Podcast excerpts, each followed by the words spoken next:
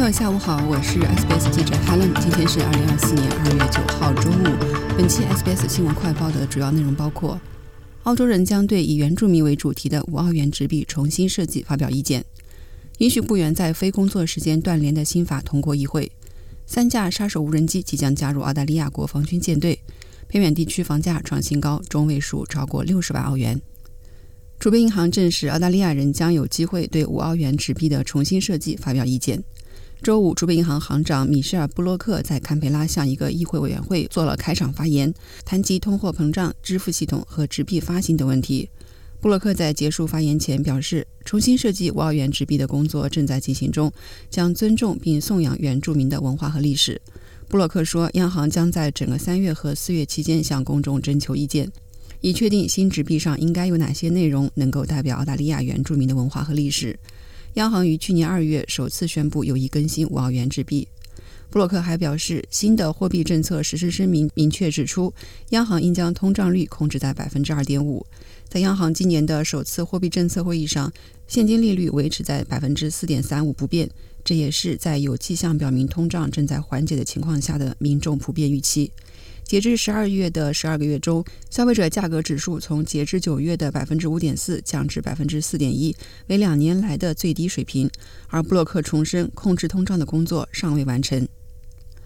联邦政府正在争分夺秒对允许雇员有权在工作时间以外断开联系的新法进行新的修订。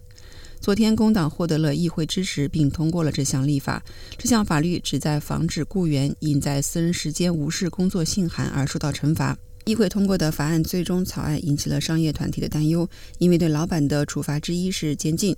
就业与劳资关系部部长托尼·伯克承认，政府需要从立法中撤销这一处罚。他说，这些有关劳资关系的法律旨在确保上班族不会被视为或理所当然地视为某种商品。自从1907年以来，该法案中就有罚款规定，但我们认为应该澄清的是刑事处罚的问题。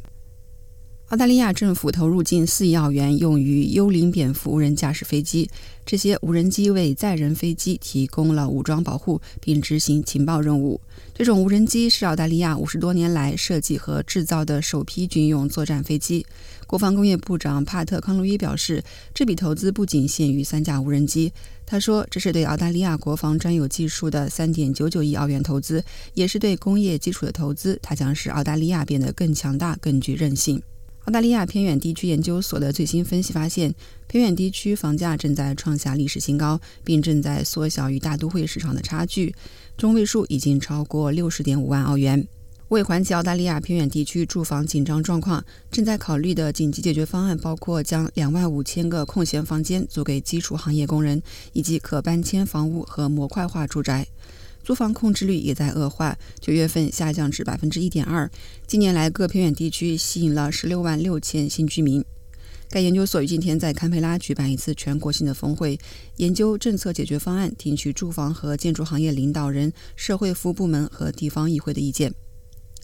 好了，感谢收听本期的 SBS 新闻快报，我是记者 Helen。在苹果或 Spotify 搜索“新闻快报”，点击订阅，开启消息提醒，即可了解澳洲国内外新闻及社区信息。祝您周末愉快！